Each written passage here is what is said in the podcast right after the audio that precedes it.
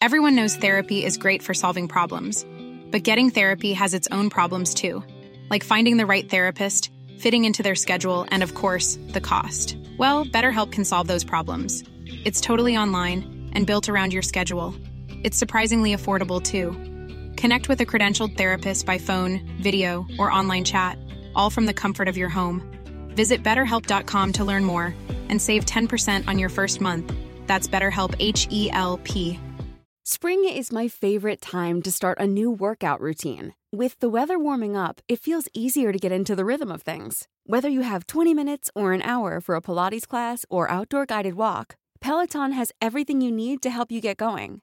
Get a head start on summer with Peloton at onepeloton.com. There's never been a faster or easier way to start your weight loss journey than with PlushCare. PlushCare accepts most insurance plans and gives you online access to board-certified physicians who can prescribe FDA-approved weight loss medications like Wigovi and Zepbound for those who qualify. Take charge of your health and speak with a board-certified physician about a weight loss plan that's right for you. Get started today at plushcare.com slash weight loss. That's plushcare.com slash weight loss. plushcare.com slash weight loss. Och allt jag tittade på, allt jag såg gick jag med en tanke om att det kommer jag inte se mer. Mm. Det kommer jag förlora. Allt det där kommer jag förlora. Himlen, den blåa himlen, molnen, gräset, träden. Eh, allt liksom blev helt plötsligt så himla viktigt att se och komma ihåg. Mm. Eh, och, och det är en sorg som på sätt och vis bärgade med mig fortfarande. Förstår. Eh, men just där och då var det jätte, jättejobbigt liksom att hantera alla de tankar och känslor som fanns då.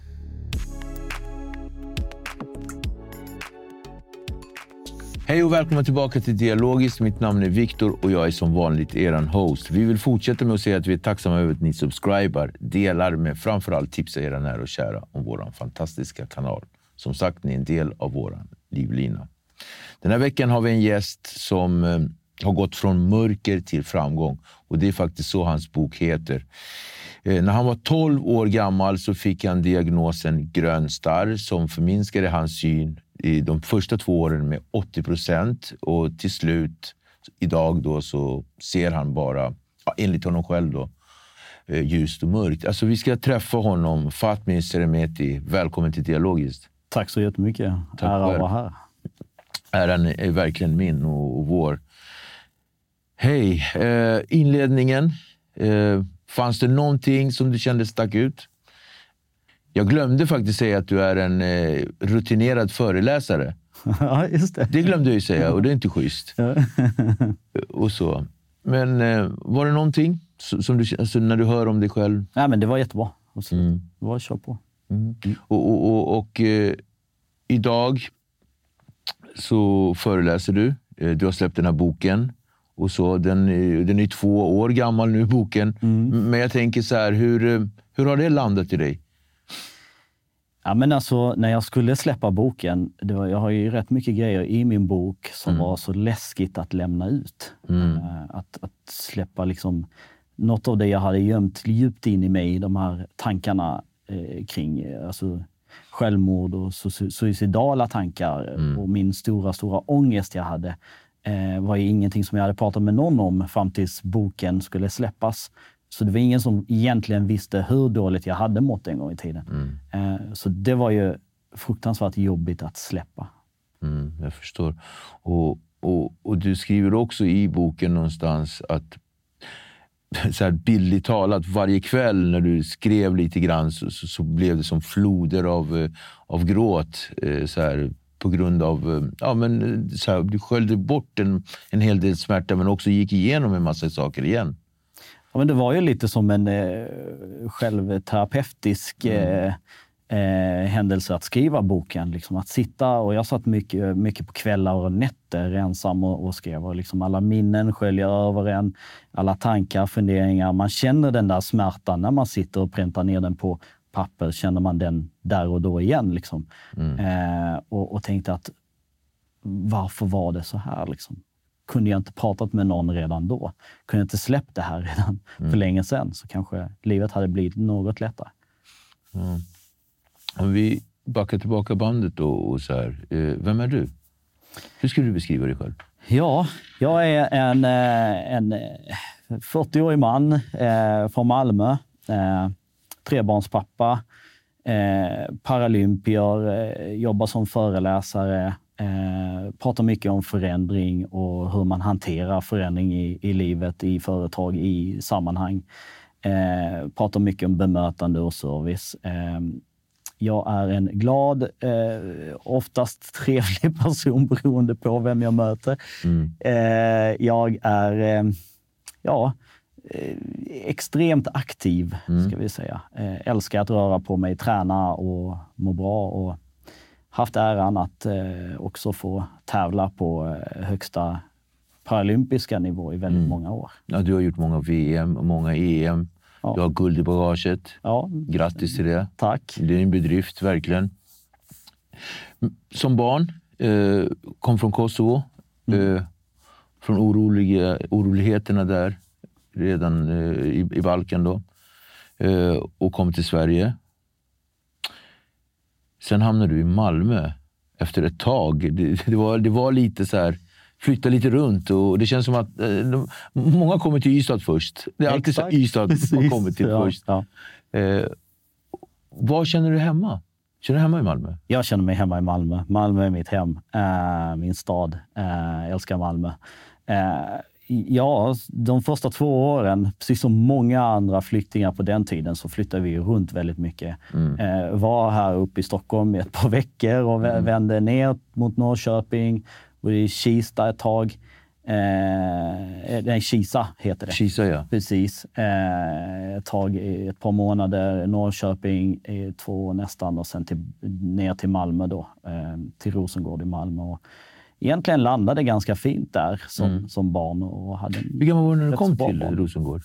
Eh, ja, vad var jag? Elva ungefär. Mm. Så det var ett år innan du fick, eh, fick diagnosen? Exakt. Precis.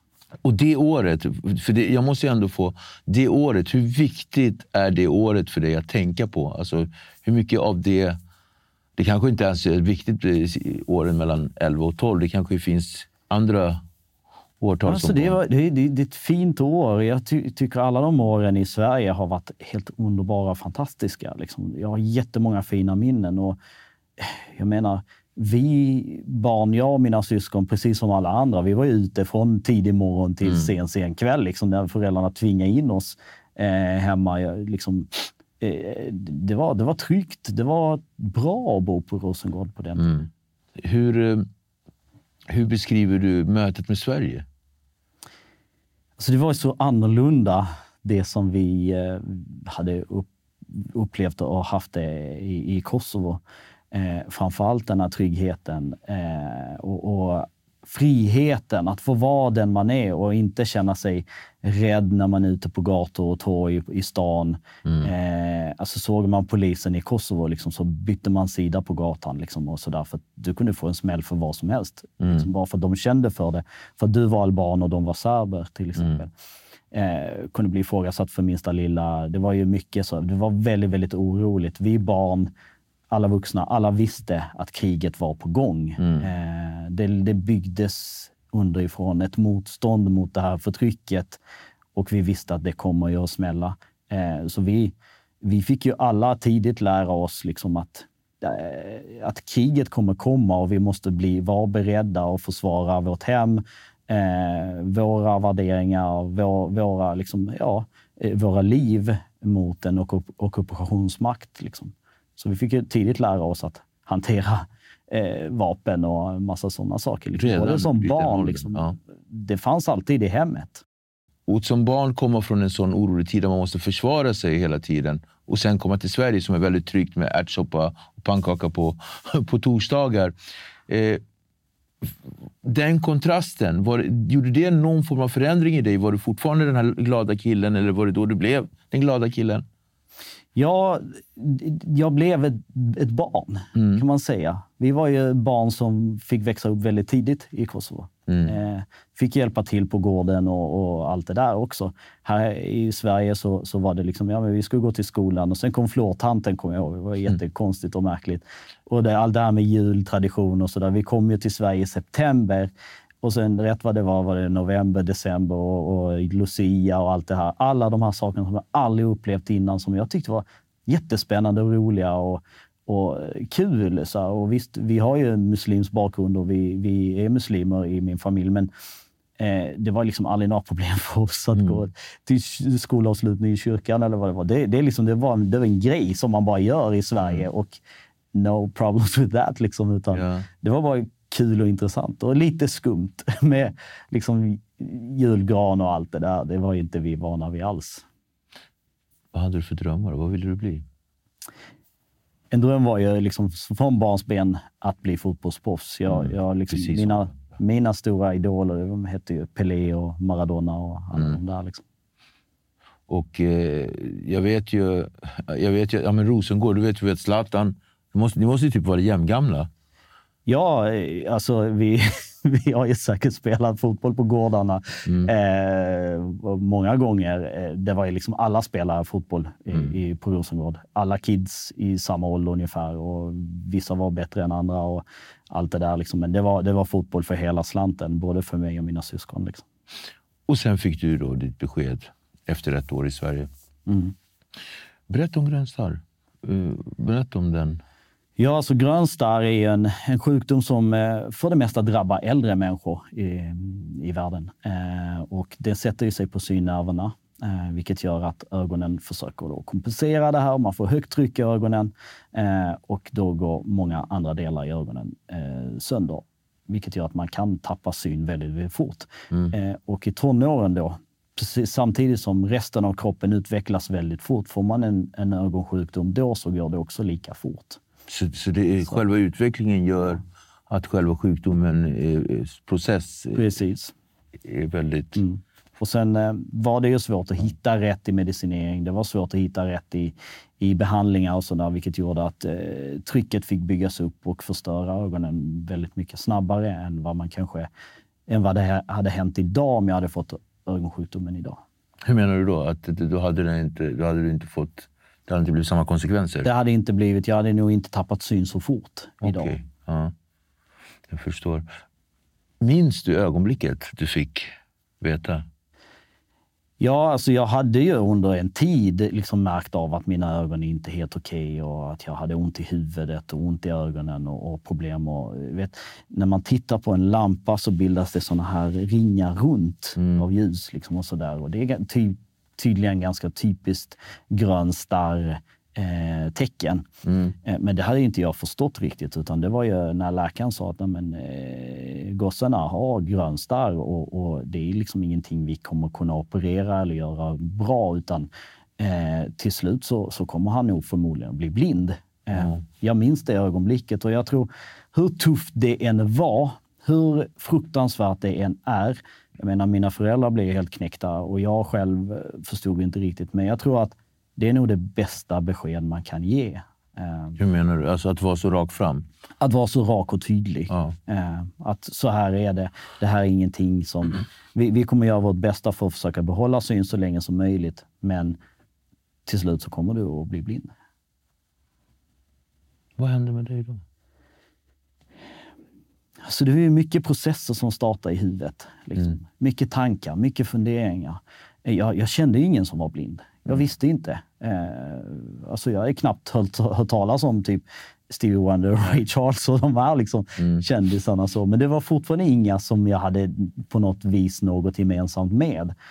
Jag kände ingen. Jag visste inte. Hur blir man när man är blind? Blir man liksom ett paket som någon måste ta hand om jämt alltid? Mm eh, överallt. Kan man äta själv? Kan man eh, fixa saker själv? Kan man jobba? Kan man försörja sig? Kan man utbilda sig? Kommer jag, kommer jag hitta kärlek? Vet, som tonåring börjar man fundera på sådana saker. Och kommer någon att älska mig? Kommer någon att tycka om mig för den jag är? Eh, kan man bilda familj som blind? Liksom? Mm. Många sådana saker som funderade. Och jag brukar säga när jag föreläser att, att vi, vi har den elakaste rösten, den mest kritiska rösten, den mest dumma rösten har vi här inne mm. i oss själva. Mm. Det är den där som, säger att, som svarade nej på alla de där frågorna. Mm. mm. Och sa att nej, ditt liv kommer att bli skit. Du kommer inte göra någonting. Och, och den rösten gjorde att här inne växte det till mörker. Ett mörker som var svårt att, att ta hand om. Och du skriver ju, ju i, i din bok Från mörker till framgång. Det är liksom titeln på boken.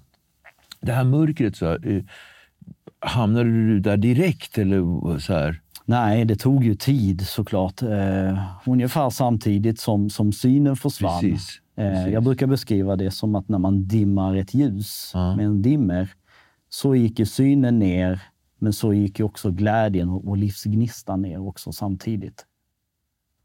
Okej. Och i skolan? Jag var ju en duktig elev. Eh, Jag hade lätt för skolan som barn. Ehm, jag behövde inte plugga speciellt mycket för att få bra betyg. Men eh, samma där. Eh, Precis på samma sätt gick betygen också ner. Eh, Så pass långt ner så att jag inte ens eh, liksom, eh, kunde ta mig in på gymnasiet utan att eh, plugga upp betygen. Eh, Och det berodde ju mycket på hur dåligt jag faktiskt mådde innerst inne. För att, ja, precis. För det är mående. Det är inte själva att du inte kunde plugga. Det är en kombination. En kombination, okej. Det är en kombination. Måendet var ju såklart det primära. Mm. Att jag mådde så dåligt. Jag kände mig så ensam. Jag kände mig så utanför och jag, jag, jag, jag ville inte dela med mig av hur jag mådde med någon. Inte kurator, inte mina syskon, inte mina föräldrar. Men jag behöll allt här inne i mig själv. Eh, men sen också det här att jag skämdes ju för att se dåligt. Jag ville inte använda de hjälpmedel som fanns. Så du hade svårt att be om hjälp? dator. Ja, jag, absolut, jag kunde aldrig be om hjälp. Det fanns liksom inte på denna världskarta att be om hjälp, för då var jag svag. Då visade jag att jag, jag skulle bli blind och det, det skämdes jag något otroligt för. Mm. Det fanns hjälpmedel. Det finns hjälpmedel att använda. Och hade jag bara fattat det och förstått att det inte var så farligt så hade mitt liv blivit så mycket enklare. Men jag vägrade använda hjälpmedel ända till jag kom till gymnasiet. Oj. Så då, var det, då, då har vi ju liksom fem, sex, sju väldigt eh, ja, men ensamma år. Ja, men mycket ensamma år, mycket jobbiga tankar, mycket liksom svåra eh, saker. Och, och det är just det här att, att skämmas för allt och, och vara orolig och, och allting är jobbigt. Och allting blir ju så himla mycket mer jobbigt när man inte för det första erkänner för sig själv och för det andra eh, erkänner för andra vänner, kompisar, eh, syskon, allt annat. Ja, men det här klarar inte jag, eller det här behöver jag hjälp med, eller det här, det här vill jag ha på det här sättet. Liksom. Då, då blir livet jobbigt. Och som tonåring, den här tiden var också tonåring, det är tjejer och det är, alltså, vänner går ut och festar och sånt där. Hur- upplevdes det då hos dig? Ja, men skitjobbigt. Jag, jag eh, drog ju mig ifrån allt. Eh, från fotbollen, ifrån föreningslivet, ifrån kompisar, ifrån eh, på skolgården till exempel. Eh, jag visste ju att de som jag brukar umgås med eh, hänger i kafeterian, men i och med att jag inte såg var de satt så ville inte jag utsätta mig för den eh, det jobbiga att gå in i kafeterian, behöva leta upp dem Ja. när jag inte ser var de sitter och sådana saker. För det kändes så utpekande på så många sätt. Liksom. Så att det var så mycket som, som var så jobbigt. Så jag valde hellre att sitta bakom eh, skolgården då, i, i, på en bänk där helt ensam istället. Och var det någon Då- som kom fram jag- till dig? Ibland, men Mm. inte så ofta. Men ibland var det några som kom fram och, och pratade och så. Men för det mesta levde jag med mina egna tankar och den här sjukt jobbiga rösten som, som Mm. fanns i. Vad hände i dina tankar då? Eh, Så här, drömmar, mål? Jag tänker fotbollsspelare, var det fortfarande... Var det, förlåt, var det en sorg över att nu kan jag inte bli fotbollsspelare? Det var en sorg över inte bara fotbollen, utan över allt. allt. Mm. Och allt jag tittade på, allt jag såg, gick jag med en tanke om att det kommer jag inte se mer. Mm. Det kommer jag förlora. Allt det där kommer jag förlora. Himlen, den blåa himlen, molnen, gräset, träden. Eh, allt liksom blev helt plötsligt så himla viktigt att se och komma ihåg. Mm. Eh, och, och det är en sorg som på sätt och vis bärgade med mig fortfarande. Förstår. Eh, men just där och då var det jätte, jättejobbigt liksom att hantera alla de tankar och känslor som fanns då. Ja, men starkt alltså. Och så kom gymnasiet. Nya människor. För, för, för det måste också vara så här, när det kommer nya människor i din omgivning så blir det också en, en förändring hos dig. Så det var ju en, det var en ständig oro Mm. över allt nytt. Allt, Alla ställen. All, överallt jag skulle till på något nytt ställe så vägrade jag i stort sett. Nu hade jag inget val Mm. eh, än att gå gymnasiet liksom, eller att, att plugga på det här förberedande året till gymnasiet.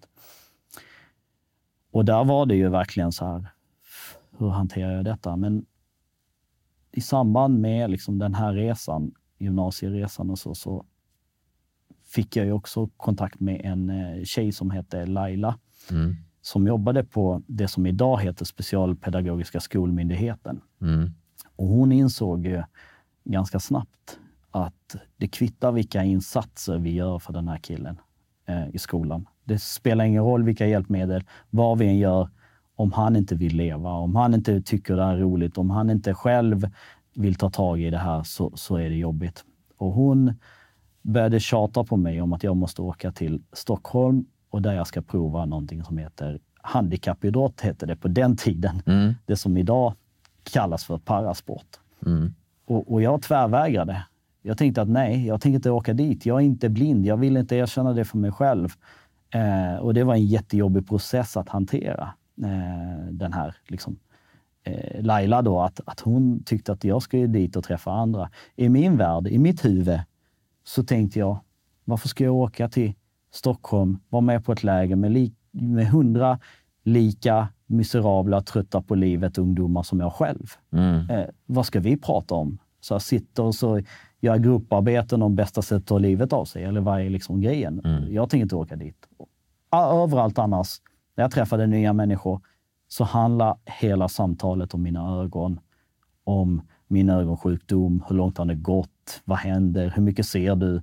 Allt det här, ser du fingrarna, ser du det här? Allt handlade om min, mina ögon. Och så tänkte jag, ska jag åka dit och prata bara ögonsjukdomar och ögon hela helgen? Men eh, Laila gav sig inte och vi åkte till Stockholm. Eh, och eh, där träffade jag alla de här ungdomarna och även vuxna som var blinda och synskadade. Mm. Och det var en värld som slog mig med häpnad. Det var som en helt annan värld bara öppnade upp sig. Eh, och, och de här kidsen, de här ungdomarna, de här människorna, vuxna, de pratade om allt annat än sin synskada. Mm. De pratade om precis det vi pratade om innan. Om killar, om tjejer, om festande, om musik, om kläder, om livet, om utbildning, om jobb. Och vissa av dem hade fina utbildningar, vissa av dem höll på. Andra eh, var liksom, ja, de, där, de, de, de största stjärnorna som var där, det var ju de som var paralympier. Liksom, wow, vad är det för något? Kan man bli det? Liksom. Mm. Så det, någonstans tror jag att det tände en liten gnista, ett litet, litet, litet hopp här inne som gjorde att jag kunde komma vidare något i alla fall. Mm. Och de här självmordsförsöken du hade försökt, kom de senare eller var de innan? De kom... Eh, ja, de här tankarna, riktigt djupa självmordstankarna var ju såklart innan också. Mm. Eh, men även efteråt. Mm. För livet går ju liksom i olika... Och den värsta, den värsta var ju, eller den värsta och sista var ju efteråt. Mm. Det var efteråt. Det var som en dipp och allting. Ja. Den här känslan som många människor har av samhörighet och, med sin omvärld och så. Hur ser du på den? Hur har den varit för dig? Det, det är så svårt att förklara. Det är så svårt att förklara för någon liksom så här, som kanske inte varit i den situationen själv. Men jag tänker så här. Eh, en känsla av att sitta i ett rum fullt med människor och känna sig som ensammast i hela världen. Eh, jag tror att om man tänker sig in i den situationen kan man kanske relatera. Eh, att det är ingen som förstår mig. Det är ingen som kan hantera mig. Jag kommer ihåg eh, någon resa tillbaka till Kosovo där vi skulle hälsa på. Och där sitter liksom hela familjen, släkten. Alla pratar om mig, men ingen pratar med mig. Mm. Eh, allting också. handlar ja, högt och man tycker synd om mig. Och, du vet, man, jag, jag såg ju fortfarande så här gester och sånt. Och man pekar på ögonen och så här, åh vad synd. Och, och du vet så här, min, min faster liksom som, som hon... Jag förstår att hon inte vill illa. Absolut inte. Ingen av dem ville mig något illa. Alla vill bara väl. Men när man säger så här, "Ja, jag hade gett honom mitt ena öga om jag hade kunnat och så där. Jag tog det inte så på den tiden. Jag Tog det? det var bara jätte, jättejobbigt. Det var Ja. förminskande. Det var så här, jag ville bara öppna ett hål och bara dö. Bara försvinna. Liksom. Det byggde på den här, den här ångesten, den här, det här onda jag hade här inne i hjärtat. Liksom, att jag vill inte vara, jag vill inte finnas kvar här. Jag vill inte folk ska tänka så om mig. Jag, vill inte, jag var en självständig, oberoende individ för några år sedan. Mm. Det var ingen som tänkte så om mig och nu tänker alla så om mig. Nu är det ingen som pratar med mig. De pratar om mig. Dialogiskt vill säga tack till våra stolta sponsorer. AFN, All Stars Fight Night. En organisation som främjar svensk fighting. Fordonsmäklarna, bilhandlarna som erbjuder dig bra service och kvalitet på vägarna. Granby Storgård, ett HVB-hem med familjekänsla. Advokatfirma Ola Tingvall, ett tryggt försvar för alla. Vad ser en blind människa? Vad ser? Alltså, jag har alltid undrat vad en... Vad är det du ser? För om jag blundar så, så kan inte jag... Ah, jag försöker liksom så här, jag ser ju jag ser så här, ringar av ljuset som jag har sett. Så det är liksom, förstår du vad jag menar? Så, att, så här, om jag blundar nu så ser jag ringar av det som jag har sett mm. som till slut försvinner och sen så kan jag... Det är nästan som att jag, jag, jag ser mörkt. Alltså, så här. Mm. Och det är ju för att dina ögon fungerar fortfarande, fast mm. du blundar. Mm. Eh, synnerverna är kopplade till hjärnan. Allting funkar ju som det ska. Så när du blundar så ser du insidan av dina ögonlock. Eh, mm. Men tänk dig då när du faller i sömn, mm. så försvinner ju den kopplingen också. Ja. Då ser du ju inte mörkret heller. Då, då, finns inte synintrycket överhuvudtaget. Jag brukar förklara det som att är man helt blind så uh, ser man i minnen.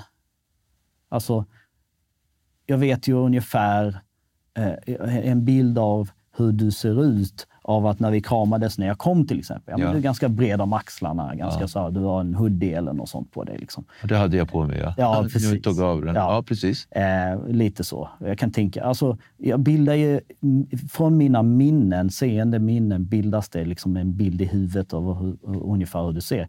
Men för en som aldrig har sett i hela sitt liv, mm. så är det ungefär som att försöka se genom armbågen. Mm. Vad ser du genom din armbåge? Ingenting. Det, det, finns liksom ingen koppling. Och då tänker man, man, eh, man, funder, man har sina tankar i de andra sinnena som, som man har kvar. Om man säger så. Okej, okay. jag förstår. Det är en svår förklaring. Nej, jag tycker att den var... Ja, den är säkert svår för dig att förklara, men mm. den var ju klockren för mig att förstå. Mm. Jag förstod den precis. Eh, du har skrivit någonstans om att vara blind kan ju också vara en superkraft. Man har ju superkrafter. Och, och då relaterar jag till att, jag vet, jag vet, inte om det var Ray Charles, på tal om Ray Charles, eller det var någon, jo men Ray Charles tror jag att det var, som berättade att han hade som ett sjätte sinne, ett sjunde sinne, alltså ett extra sinne av saker. Eh, så här. V vad säger du om det? Ja, men jag kan väl hålla med om lite grann. Jag, jag kan ju få en rumsuppfattning till exempel. Jag kan få en uppfattning om det är människor i, i rummet eller inte, ungefär hur många. Och, och någon sorts energi känner man ju. Någon mm. sorts liksom, eh, ja, närvaro känner man ju hela mm. tiden. Och jag tror att det är en kombination av alla sinnen som jobbar ihop som bildar ett helt eget sinne mm. på något sätt. Okej. Okay. Och sporten. Tillbaks till sporten. Alltså det, vi pratar om, jag vet inte hur många, sju VM och nio EM, eller är det tvärtom? Nej, jag vet inte. Jag minns faktiskt inte sånt. längre. Jag, jag, tror jag är uppe i typ 15, 14 EM och ja, ett antal VM. Och, ja. Eh, tre stycken Paralympics som är ju det största man kan uppleva som, eh, som idrottare. Liksom. Mm. Eh, och, och det, det, är såklart det är oerhört få förunnat och det är otroligt tacksamt. Och, eh, det, är, det är sporten och Gud, brukar jag säga, mm. som gör att jag sitter här idag. Eh, och det är den här insatsen som Laila gjorde och introducera mig till parasport en gång i tiden. Liksom, Eh, för det har ju betytt allt för mig. Det, sporten har ju öppnat dörrar för mig i alla eh, livs... Eh, liksom, eh, platser i, i livet. Mm. I jobb, i utbildning, i allt. Mm. Berätta om goalball. Goalball är en eh, bollsport för idrottare med synnedsättning. Man eh, spelar i lag som man spelar tre mot tre. Tre på ena sidan mot tre Mm. på andra sidan. Alla bär helt mörka glasögon. Och så har man en boll som väger 1,25 kilo med bjällror i. Eh, Man har tejpade linjer på golvet så man känner var man är någonstans. Och sen ska man kasta den här bollen så hårt som möjligt förbi motståndaren in i deras mål. Och det gäller att kasta sig raklånga och försöka hindra bollen från att gå in i målet. Jag kommer någonstans mellan 70-80 kilometer i timmen eh, och eh, ja, det är en ganska, det är en ganska tuff och brutal sport. Den verkar tuff alltså. Ja. alltså, den på, alltså. Jag vet inte vad jag ska ge dig. Jag försökte göra en kombo av den. Det är typ så här bowling, handboll, rugby. Men tänk dig, Eller nej, tänk nej, dig som man spelar så spökboll eh, Ja, i exakt. skolan eh, när man var barn. Ja. Fast reversed. Det, här ska du liksom träffa. Du ska bli träffad av bollen Ja. på, om, om du är bra. Ja, exakt. Fast, exakt. fast den här bollen, då, till skillnad från spökboll, så väger den här bollen sjukt mycket och kommer väldigt snabbt. Intressant. Ja. Och vi, vi har ju landslag. Mm. Hur, hur, länge, var du med i landslaget då? Jag är fortfarande med. Jag hoppade av ett par år eh, och så nu är jag tillbaka igen. Eh, så att ja, vi har, vi har landslag. Vi, du vi har varit debuterade? ganska bra förr i tiden och vi är på väg uppåt igen. Okej, okej. Ja. Så, så nya tag. Absolut, det är det. Absolut. det. Kärleken då? Tre barn. Ja, Och det var ju Eh. också en sån här grej som, som du sa. Att, men hur ska man hitta kärleken? Kommer jag någonsin kunna få barn som blind? Och, och så här. det visade sig vara inte, inte så jobbigt ändå faktiskt. Nej, okej. Var det det lättaste? Blindheten kanske var en Fördel. fördel. Så, Okej. Nej, kanske inte. Men, men eh, nej, det var inga problem. Eh, Jag är eh, skild idag, Eh, så mina barn lever ju med sin mamma. Mm. Och ja, livet är, livet är bra på många sätt faktiskt. Eh, Inte för att jag är skild, eh, utan eh, men kärleken har ju funnits där genom hela livet om man säger så. Fantastiskt. Och att hitta kärleken var ju också, det måste ju ändå varit för dig ett, ja, men det så här, wow, det här är verkligen ett kvitto på att saker och ting inte är över. Återigen. Ja, men verkligen. eh, Så var det ju. Jag, jag träffade ju kärleken ganska snabbt på gymnasiet och sen eh, dog det ut, och liksom precis som många andra. Men eh, det var ju också väldigt mycket för, liksom, återigen, idrotten som gav mig självförtroendet och, och kraften att, att se på mig själv på ett annat sätt. Jag brukar coacha människor i rätt mycket, både träning och livsfrågor och sådär. Mm. Eh, ett människor som bara, men jag hittar ingen. Men du ska inte leta efter någon. Liksom. Mm. Jobba med det. dig själv. Hitta dig själv först. Eh, bli bli liksom din bästa version av dig själv så kommer det andra av sig självt. Det är liksom mitt, mitt tips i det hela som funkar för mig. Och det här med coacha, det är också något som, som har tagit dig till TikTok. och så där. Hur startade du ditt TikTok-konto? Och vad, var det på grund av det du gjorde det? Att, att, att eh, vägleda människor? Ja, det var det ju på, på ett sätt. Jag har ju tänkt att starta TikTok ganska länge. Mm. Sen var det en kompis till mig som själv har TikTok. Eh, och hon höll på med lite så utmaningar och lite träning och lite sånt. Eh, och men du måste starta TikTok. Jag bara, nej, det är bara en massa kids som dansar där. Det vill jag inte. liksom Nej, nej.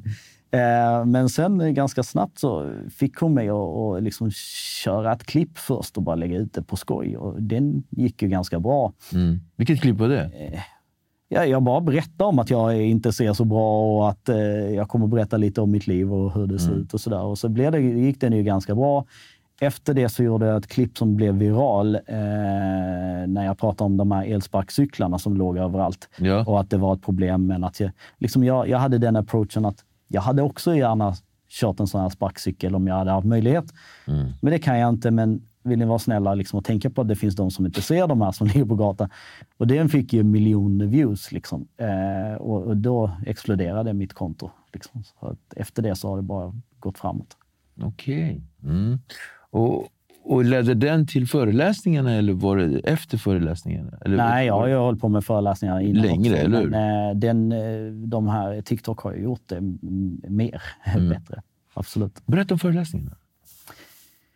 Ja, men jag, jag föreläser ju främst för företagen, men också ute på skolor. Eh, och det är mycket inspiration, det är motivation. Det handlar mycket om eh, förändring. Hur, hur, hur ser vi på förändring? Hur arbetar vi med förändring?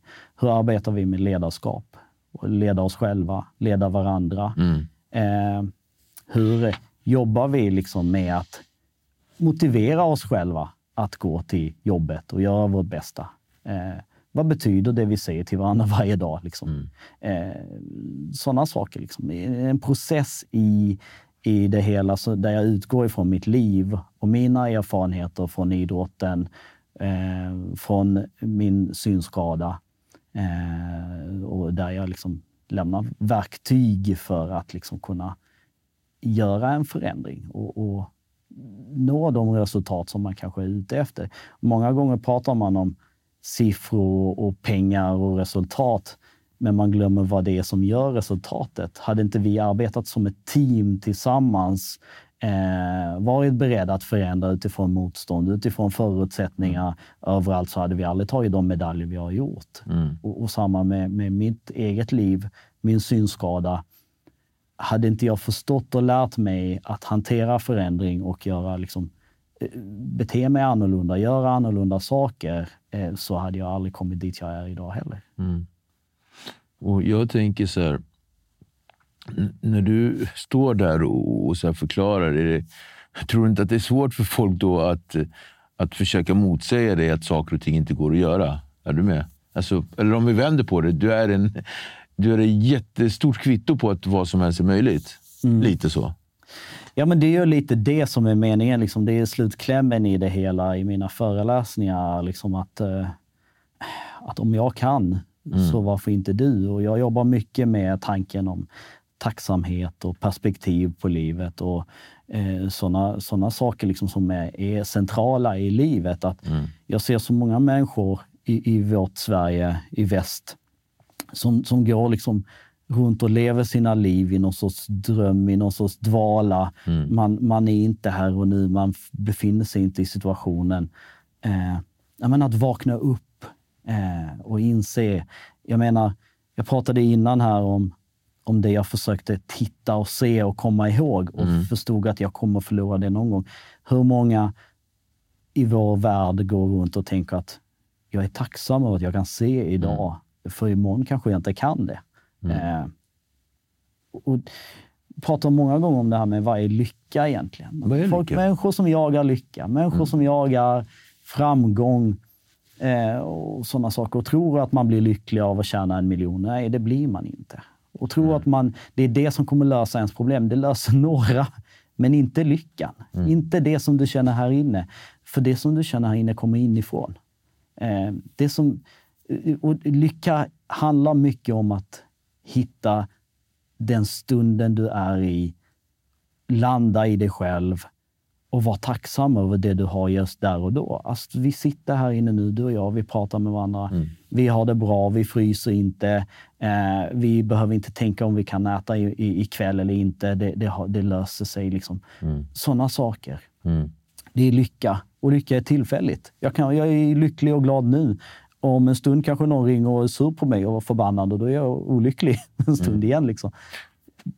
Jag, måste fråga dig, när, när, du gör dina så här föreläsningar, lägger du ett upplägg i förhand eller är det så här, det kanske man så här, inte ska avslöja, så där, men är det så här att den här veckan eller det här företaget, anpassar du dig till vilka du ska gå till, vad du ska prata om? Absolut, eller? jag pratar alltid med, med dem jag ska föreläsa ja. för innan. Eh, så här, men vad, vad, jobbar ni med nu? Vad har ni liksom för utmaningar just mm. nu? Eh, sen är det klart att jag alltid har en röd tråd i det, men, men det handlar ju lite grann om att anpassa utifrån mm.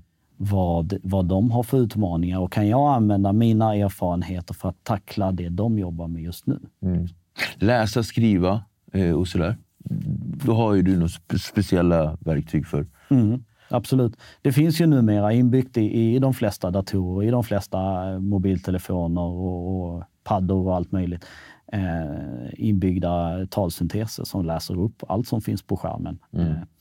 Sen är det ju vissa hemsidor som måste byggas på ett speciellt sätt mm. för att det ska kunna funka prickfritt, eh, vilket det inte alltid gör. Mm. Eh, men eh, för det mesta funkar ju det mesta. Liksom, och, och, det är ju så jag skrev min bok. Ja, men jag tänkte fråga. Alltså, mm. Så när du skrev din bok så talade du in eller du, du, du så här, för du, det, tangenterna det finns ju så spår på. Precis. Ja. Eh, jag, jag, skrev, jag, det går mycket snabbare att skriva själv. Eh, Än att prata? Då, då, får man lära sig fingersättning liksom på tangentbordet. Mm. Eh, och om ni tänker på det, liksom om du tänker så här att F och J har två prickar på sig och att man utgår ifrån det, då har man pekfingrarna på, på de två. Ja. Utifrån det vet jag var alla andra tangenter finns. Ja, ja. Så, så det egentligen är det bara de som är... Ja, okej. Ja, exakt. Intressant. Mm. Får kolla på nästa gång du hittar tangentbord ja, men jag satt ju och tittade på dig Ja. när du, du satt och jobbade här precis Ja, innan. Så, så då, såg jag att det gick, det, var, det gick smidigt. Mm. Ja, men det gör det ju. Det är jättesmidigt. Är det.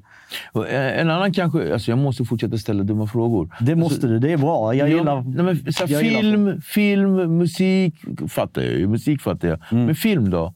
Eh, Lyssnar du på film? Ja, det gör jag absolut. Och det finns ju mycket syntolkat idag. Eh, många, många gör ju syntolkade Mm. eh, filmer och, och eh, produktioner och så. Eh, där du har en röst. Jag vet inte om du råkat sätta igång den någon Ja, gång.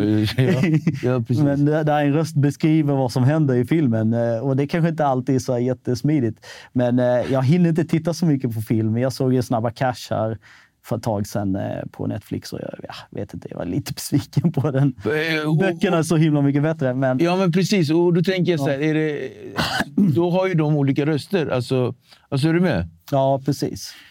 Eh, Ja. Det har de ju. Men, men ja, jag, jag föredrar att lyssna på böcker istället, för då kan jag själv bygga upp en egen uppfattning om saker och ting. Men, men ja, absolut, det finns ju. Och då blir det ju också, så säger de att, då förklarar låt oss säga, ja men Ravy, eh, han pratar med någon och sådär och sen så förklarar de vad han gör medan han pratar. Så då blir, är det så Ja, det de blir? pratar inte, syntolkningen pratar inte så mycket medan han pratar. Nej, men om han gör något. Men om man gör något så Ja, så exakt. han. Absolut. Ja, men han tar fram en pistol. Nu Eller, tog han fram pistolen. Vad det nu. Ja, Ja. vad gör du? Precis. Ja, ungefär så. För jag tror att jag har fått ett erbjudande att jag ska börja läsa in lite sådana här saker. Det tycker jag du ska göra. Du har en perfekt röst för, för ljudböcker framför Nu allt. tar vi fram honom. Ja, det- men, Ja, men det, det tror jag. jag, jag spelar in lite. lite. Jag, jag har ju läst in min egen ljudbok och Ja. sen så några, några andra jobb. eh, Information för Arbetsförmedlingen tror jag att det är. och- Mm. Coolt. Ja, och men det är klart du ska göra det. Eh, Radioteater Mm. har jag också gjort. Så, så det är intressant. Men jättefint att ha dig här och sådär. Tack så mycket för den här fina stunden. Men jag måste bara avsluta med en fråga som, som jag brukar ställa folk. Och det är så här, vad värderar du som högt, men som du anser att andra inte värderar lika högt? Oj, det var en djup fråga. Mm.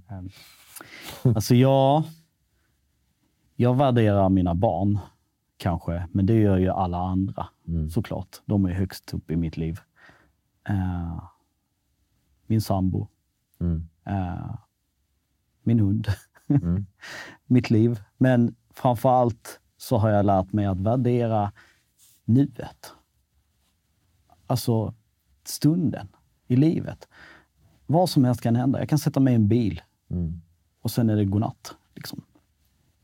Och om jag då inte tar tillfället i akt och vara tacksam över det jag har nu, så vad finns det att jobba för? Mm. Och jag värderar människor som gör saker och ting för andra människor utan egen vinning otroligt högt. Jag har inga förebilder brukar jag säga. Eh, Man tror på någon och så följer man dem och så tänker man wow, vilken frän, cool, häftig människa. Eh, och sådär, och han har byggt upp någonting från ingenstans och sådär. Och sen åker de dit för sexköp. Eh, Eller vad det nu är. Liksom. Mm. Eh, och så tänker man, nej, människor är vad de är. Men de här människorna som bara gör saker, de här stunderna, de här eh, liksom fina gesterna värderar jag otroligt högt. I människor som gör uh, saker och ting för andra utan att förvänta sig något tillbaka. Det, jag, jag värderar många saker i mitt liv. Mm. Ja, jag hör det. Jättefint. Ja, jag värderar att du kom. Ja, tack. Tack så jättemycket för eh, ditt deltagande. Och jag hoppas vi ses igen. Och, och, så här, ska du skriva fler böcker? Ja, men det är väl tanken. Kanske någon gång när jag får tid. lite så. Jag skrev ju boken väldigt snabbt. Eh, Jag började i november och var klar i typ februari. Någon gång. Eh, Ja, det är snabbt. Så det var Ja, ganska det är snabbt. Wow. Men eh, läser du in din bok? Nej. Det hade ju varit bra om du hade Ja, gjort det hade varit bra, men det är ju just det där att kunna läsa i ett Ja, flytande och sådär. Det, är liksom, det funkar inte riktigt. Det går ju inte. det sättet. Nej. Undrar om man skulle kunna hitta något knep till det. Du får läsa in den. Jag skulle jättegärna vilja läsa in din Ja. bok och sådär.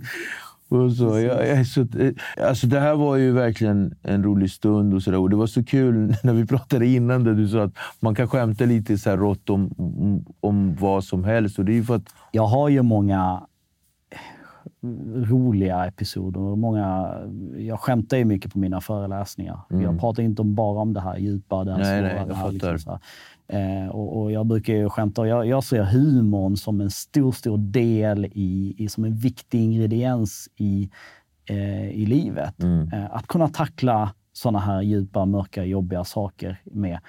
Eh, och, och, och jag, jag, tar ju många gånger så här skämt och saker som har hänt i mitt liv på riktigt. Mm. Eh, som till exempel, Viktor, tänk, vet du när man vet att man är, man är riktigt jävla blind? Man ser väl inget, tror jag. Eller? Ja, du står i affären och känner på den där skyltdockan och bara känner fan den där tröjan vill jag ha. Sen går dockjäveln iväg. Då vet man att man är riktigt, riktigt blind. Eller när man går ut från hotellet liksom från ett, eh, på ett föreläsningsgig, går runt hörnet eh, och ska leta efter ett ställe för hunden ska kissa. Så går man fram till första bästa människa och så bara, hej, vet du var det finns gräs? Och han bara tittar på mig och säger, är du dum i huvudet eller? Jag är polis. jag menar till honom. och det här är ju händelser som har hänt på riktigt. Liksom. Och, och det, är, det är kul att skämta om det idag, men jag kan säga när den episoden med dockan hände, då var det också en sån här Snälla, bara låt mig dö. Låt mig bara sjunka igenom jorden. Men var det ingen som skrattade? De bara gick och vad gör han? Nej, nej, hon, han bara gick iväg. Och man tänker så här, vad fan tänkte Man undrar vad han tänkte på egentligen. Vilken dåre. Ja. Hörru, tack för att du kom. Tack själv. Det var en ära. Ha, ha ett gott slut. Tack.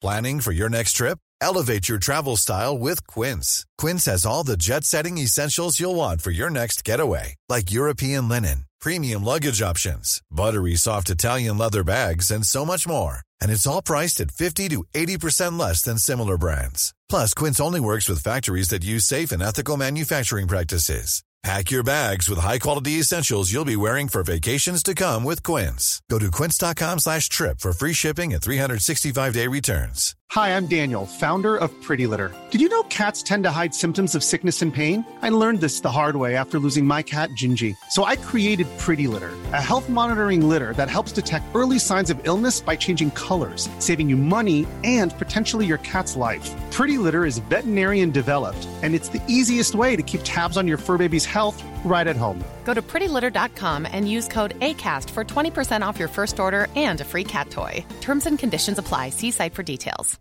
Planning for your next trip? Elevate your travel style with Quince. Quince has all the jet setting essentials you'll want for your next getaway, like European linen, premium luggage options, buttery soft Italian leather bags, and so much more. And is all priced at 50 to 80% less than similar brands. Plus, Quince only works with factories that use safe and ethical manufacturing practices.